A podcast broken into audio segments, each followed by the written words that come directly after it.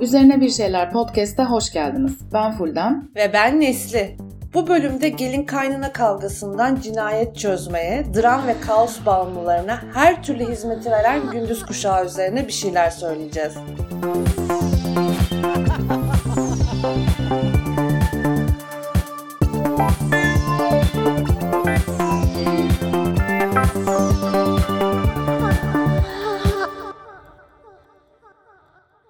aşkolar selamünaleyküm. Merhaba. E, herkesin hasta olması üzerine bölüm yapıp car car konuştuktan sonra takribi 24 saat sonra falan deli divane hasta olmam dolayısıyla iki haftalık zorunlu aramızı verdik. Yeniden karşınızdayız. Okulun bile sömestr tatili var. Bizim de olmasın mı ne olacak? Sen yeter ki iyi ol Fulden'cim. Zaten üzerine bir şeyler podcast de bir okuldur anlayana. Zaten okul dediğinde biliyoruz hepimiz dört duvar değildir. Her yer bir okuldur. Ben Yaşar Usta Dur, Münir Özkulları karıştırdın. Ay evet Yaşar Usta şey ustaydı. Diğeri e, biraz body shaming olacak ama Kel Mahmut'tu. Mahmut Hoca'ydı evet. Evet Mahmut hocam ya kıyamam. Adamı nasıl hasta ettilerdi. Şey sahnesi vardı ya hastane camından bakıyor ve bütün öğrenciler Hı, hı, mezun hı, olmuş hı. diplomasını sağlıyor böyle duygulanıyor falan. Ben orada şıpır şıpır hatta şurul şurul ağlardım. Sanki çok nadir ağlıyormuşsun gibi yani. Bu sahneyi uzun uzun anlatıyorsun. Evet ne yapalım zırlak bir bebeğim. Ya bir de o sahnede beni en çok üzen kimsenin aslında gerçekten mezun olmaması. Serinin bir sonraki filminde çıkıyor ki meğerse Mahmut Hoca'ya mutlu olsun diye yalandan işte kağıt kıvırıp üstüne kurdele takmışlar. Pilot twist yani. Neyse garip. Mutlu oldu az da olsa o hastane odasında güzel bir an yaşadı. Moral her şeydir ben. Doğru, doğru. Ben 2-3 haftadır hasta olduğum ve hastalığın yanında başka e, sağlıksal sebeplerle her gün hastanenin bir koridorunu arşınladığım için her şeyin başı sağlıktır gibi bir dönemdeyim. Yani yataktan kalkamadığım günler geçirdim. Sonra minik bir operasyon geçirdim falan. Bir turda onu hayatım derken iki adım atsam peşinden şükür diyorum bugünlerde. Geçmiş olsun Canikom. Seni hani uzundur, bayağı uzundur bu kadar hasta görmemiştim ben de. Evet. İki haftadır bölüm yapmıyoruz ama gerçekten hastayım yeminleri de edildiyse. ya bilmiyorum daha önceki bölümde de konuştuk ya işte moral olarak da ayakta tutan çok bir şey yok ya hani genel. O yüzden mi bir türlü düzelemedim bilmiyorum. Ama bayağı bir yattım ve bu süreçte sabahtan akşama kadar ülkemizin nadir başarılı olduğu alanlardan bir tanesinde gündüz kuşağının kucağında kendimi bıraktım. Kadar konforlu ve tanıdık bir kucaktı ki o pislik, kaos ve kahkaha dolu anları çok özlemişim ya gündüz kuşağını. Tam bir batak. Hele böyle bir dönemde gerçekten nasıl sarmış olabileceğini tahmin ediyorum. Ama ben hiç izlemiyorum. Ya arada bir böyle arkadaşlarımda falan denk gelirsem böyle şaşkınlıkla gözlerim büyüye büyüye bakıyorum ama onunla kalıyor. Neyse eczaneye gidip bir arkadaşım için prezervatif alacağım diyen ergen olanlar gibisin şu anda. Ben izlemiyorum da arkadaşlarımın yanında. Ya gerçekten izlemiyorum ama ben. Biliyorsun evde televizyonum bile yok benim. Tamam Art House Nesli, tamam başka sinema Nesli. Anladık. Biz kötüyüz aynen. Ne yapayım? Ben senin sevdiğin şeyleri o kadar sevmiyorum genelde. Yani daha böyle dizi falan insanıyım. Yani gelin kaynana dramı izlemek için 3 saat ayırmayı ne yazık ki anlamıyorum pek. Özür dilerim. Hiç brokoli çiğ yedin mi? Ne? Hiç böyle katır kutur brokoli yedin mi haşlanmadan? Yani bil- bilmem. Yemişimdir belki ama ya da yememişimdir. Böyle sorunca aklıma gelmedi. Brokoliyi böyle çiğken ısırınca onun onun bütün tadını alırsın. Olduğu gibi. Hafif böyle brokolinin suyu hafif ağzına akar. Böyle lastik gibi kayış olan gövdesi var ya brokolinin. Onun kokusu yayılır falan. İşte ben gündüz kuşağı izlerken o tadı alıyorum. Normalde pişmesi gereken bir sebzeyi çiğ yiyormuşum gibi bir tat. Aslında yenilir yutulur değil ama bir süre sonra zevk veriyor. Olduğu gibi çünkü. Çiğ. Wow. İyiydi değil mi? İyiydi, iyiydi de hani bu kadar iyi bir metaforu bunun için harcamış olman. Yani her bir programa ahlakçılık üzerine kurulu bir kuşağı benim vallahi şu an sinirlerim kaldırmıyor. Yani magazin programı mesela. Kimdi o? Hakan Ural mı ne? Sibel Can'ın eski kocası demek daha doğru olur. İsmini zikretmeye gerek yok çünkü hayattaki tek e, vasfını hatırlasak yeter Evet. kendisinin. O da Sibel Can'ın eski kocası. Evet çok doğru söylüyorsun. Sibel Can'ın eski kocasının olduğu program. Şimdi bir de Demet Akalın'la Ces başlamış. Cansız mankenimiz. Hayır cansız mankenimiz Vahe Kılıçarslan. Doğru pardon. Cez sadece e, kaslı olduğu için ona cansızlık yakıştırdım. Eskiden müzik programları sunardı. Bu Dream TV zamanları falan herhalde. Sihirli Annem'de falan evet. dizi dünyasına geldi muhteşem eserle. Neyse işte o da Demet Akalın'la program yapıyor. Magazin programı. Eskiden Söylemezsen Olmaz daha popülerdi. Bir Cambali ve Seren Serengil'in böyle kötülük saçtığı gerçekten. bir ara hatta kocama dokunma hashtag'ini başlatmışlardı. Ya of çok çok çok kötü bir dönemdi. Sonra e, Seren, Seren Serengil yani sürekli Gülben Ergen'le ilgili konuştuğu için 72 e, 72 saat hapiste kalmıştı ve çok ama çok mağdur olmuştu. Hatta cezaevi krokisi paylaşmıştı yayında işte şöyle bir yerde yatağım şuradaydı bilmem. Kanki 72 saatte ne yaşadın ya o kadar? İnsan zaman oluyor 5 gün evden çıkmıyor ya. O kadar da bedel öde be Seren ne dersin? Günlerce haftalarca ekrandan birilerini hedef gösterip Gülben Ergen şöyle yaptı böyle yaptı diye konuşup üstüne Yeşim Salkım'ı da programa bağlayıp kocama dokunmalar, ahlaksız kadın demeler yani bitmek bilmeyen bir ahlak pompalama işte o genel ahlak. Ya da geçen yaz mesela Gülşen'e de aynısını yaptılar.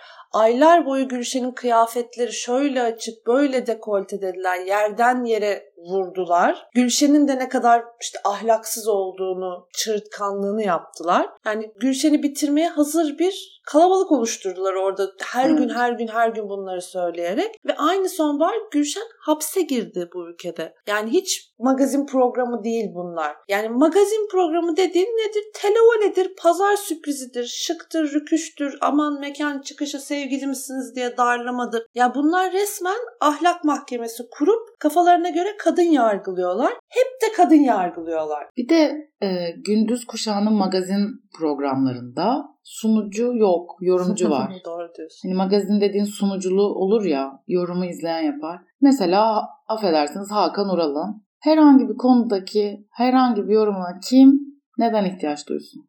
Ama e, aslında magazin mahkemeleri gündüz kuşağının çok çok küçük bir bölümü. Hatta şöyle formülünü açıklayayım. Gündüz kuşağı nasıl işler? Şimdi sabah 10 ile 1 arasında 3 farklı program çeşidi var. Birisi magazin masaları bahsettiğimiz. Diğeri Seda Sayan gibi sabah bölümleri olan eğlenceli programlar. Hatta bu programların böyle ikili sunuculuğu olduğu dönemler de vardı. Çağlaş ve Alişan mesela yıllarca bunu yaptılar. Evet. Alişan demişken yeri gelmişken söyleyeyim. Benim hayattaki en büyük zevklerimden bir tanesi e, iki kadeh bir şey içtikten sonra Alişan'ın köpekten korktuğu anları derleyen videoları izlemek YouTube'da. Çok niş bir zevk. Tebrikler. Böyle e, stüdyoya defalarca ve kerelerce köpek getiriliyor şu veya bu sebepten. Ve Alişan çok korktuğu için işte koltukların üstüne zıplıyor, çıkıyor böyle Pino köpekler giriyor 3 santim. Hev hev hev diyor stüdyoya giriyor Alişan çığlıklar içinde. Mükemmel kesinlikle herkese tavsiye ederim. Pamuk gibi oluyorsunuz izleyince. Pamuk gibi olmak için sıcak bir duş almayı tercih edebilirim ben. Ay yeter be ne yaparsan yap Nuri Bilge Ceylan. Ne kaliteliymişsin ya. Dur Allah korusun. Zekici misin? Ay yok onun da böyle adamlıkları falan hiç hiç gelemem. İkisi de tutmuyor şükür. Bakın ne demiştik?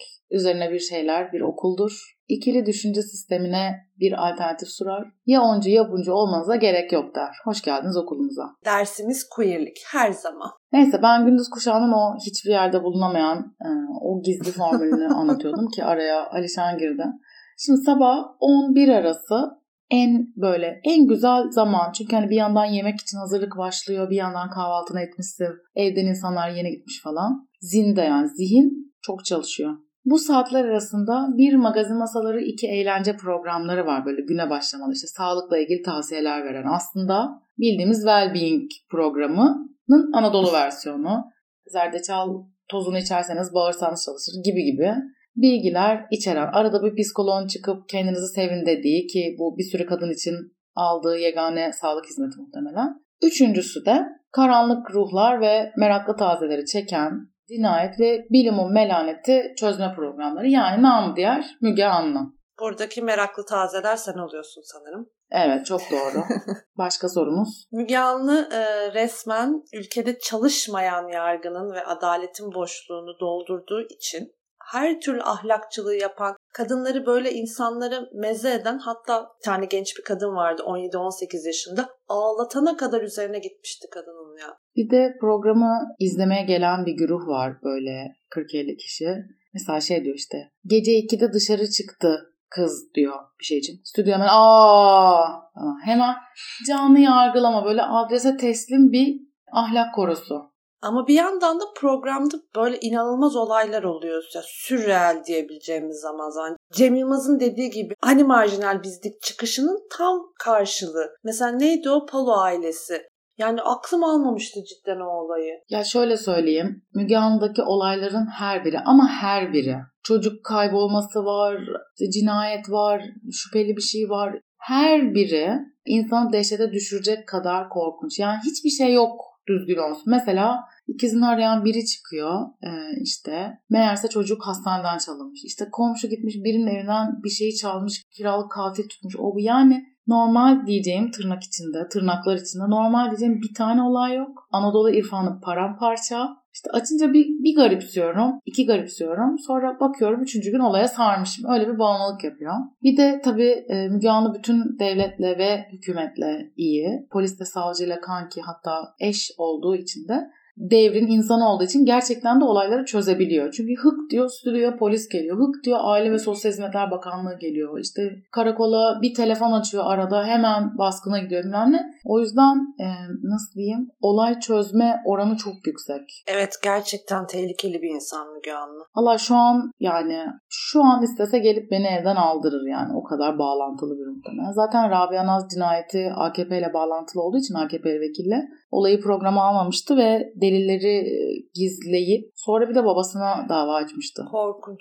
Korkunç gerçekten. E, hani böyle arkası çok güçlü denir ya. Türkiye'deki en güçlü insanlardan bir tanesi olabilir. Eskiden mesela bir, biri vardı, bir arkadaşım vardı. Derdi ki Türkiye'deki en güçlü 3 insan Recep Tayyip Erdoğan, Alişen ve Melik Gökçek derdi. Alişen bitti. Fenerbahçe'de hakeza onun peşinden. Melik Gökçek işte kimseye gideceğini düşünmüyordu. O da bitti. Herkese her şey oldu. Her şey, herkes silindi. Ali Ağoğlu bile gitti. Bir tek Müge Anlı'ya bir şey olmadı. Bir de malum kişiye. Yani olmazdı herhalde kolay kolay bir daha bir şey. Şimdi geldik öğlene. Bir de öğleden sonrası var bu işin. Evet bitirdik. O kısmı tamamladık. Ben öğleden sonra kuşağını görece daha okeyim. Yani şey izleme Hı. zevki açısından. Yoksa hiçbirine okey değilim de.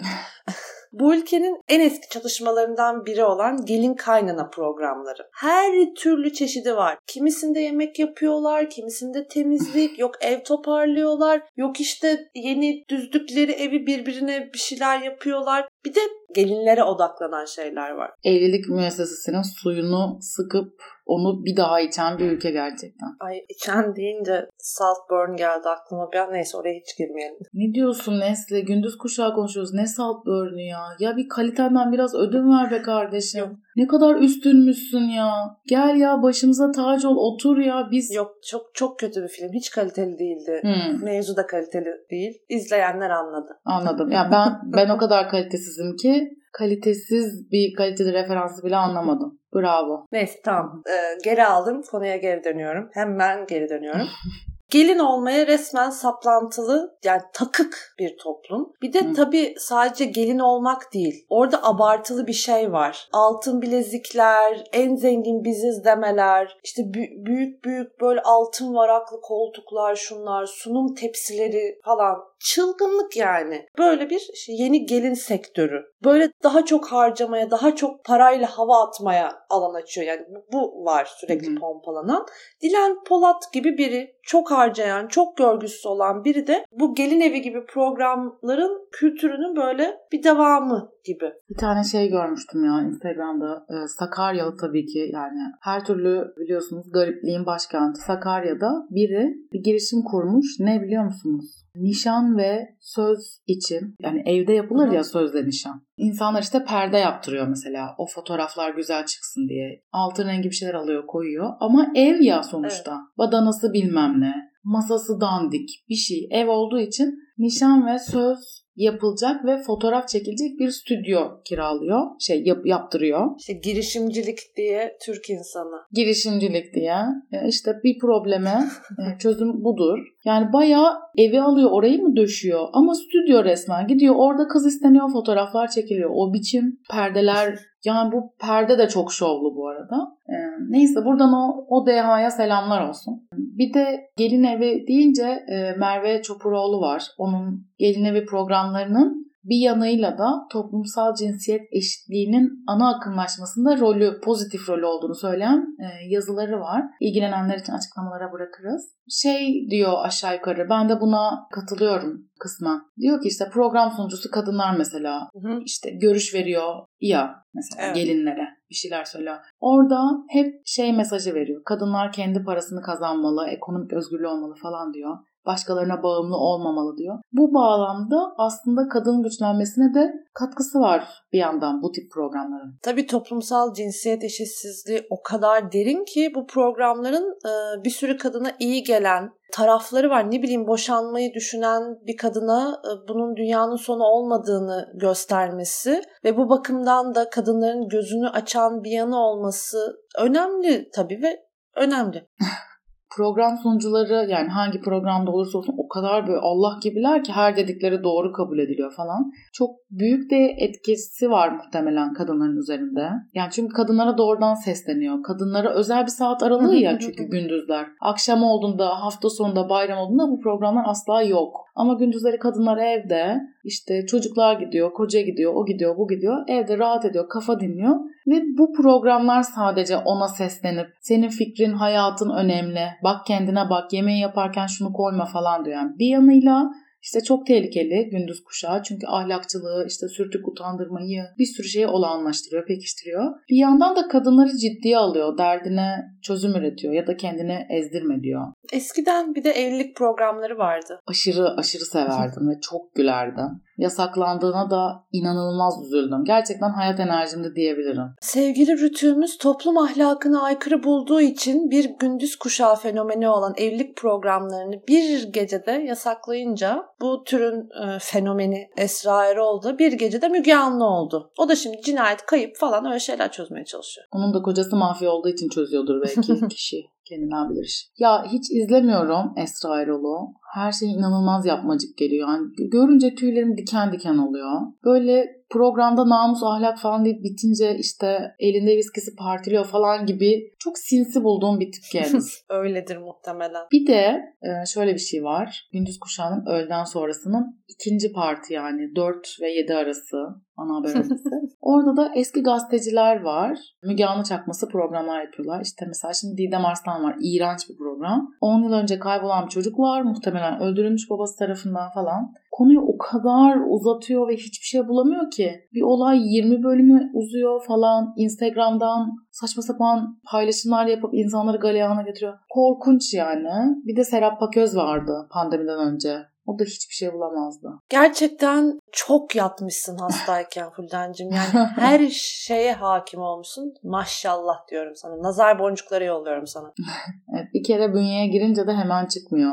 Bayağı toparladım aslında. Hani artık her gün izlemiyorum ama tam bırakamadım. Allah şifa versin. Ne diyeyim? Aman en kötü bağımlılığımız bu olsun. Ne olacak sanki? Doğru diyorsun ama ne olacak? Aynen. O zaman son sözleri söyleyip kapatalım mı? Benim tekrar izlemem gereken bir takım programlar var. Takip etmem gereken kaoslar var. Hadi, hadi git o zaman. Bir sonraki hafta kadın ve LGBT artı gözüyle hayat önümüze ne getirirse onun üzerine bir şeyler söylemeye devam edeceğiz. Görüşürüz.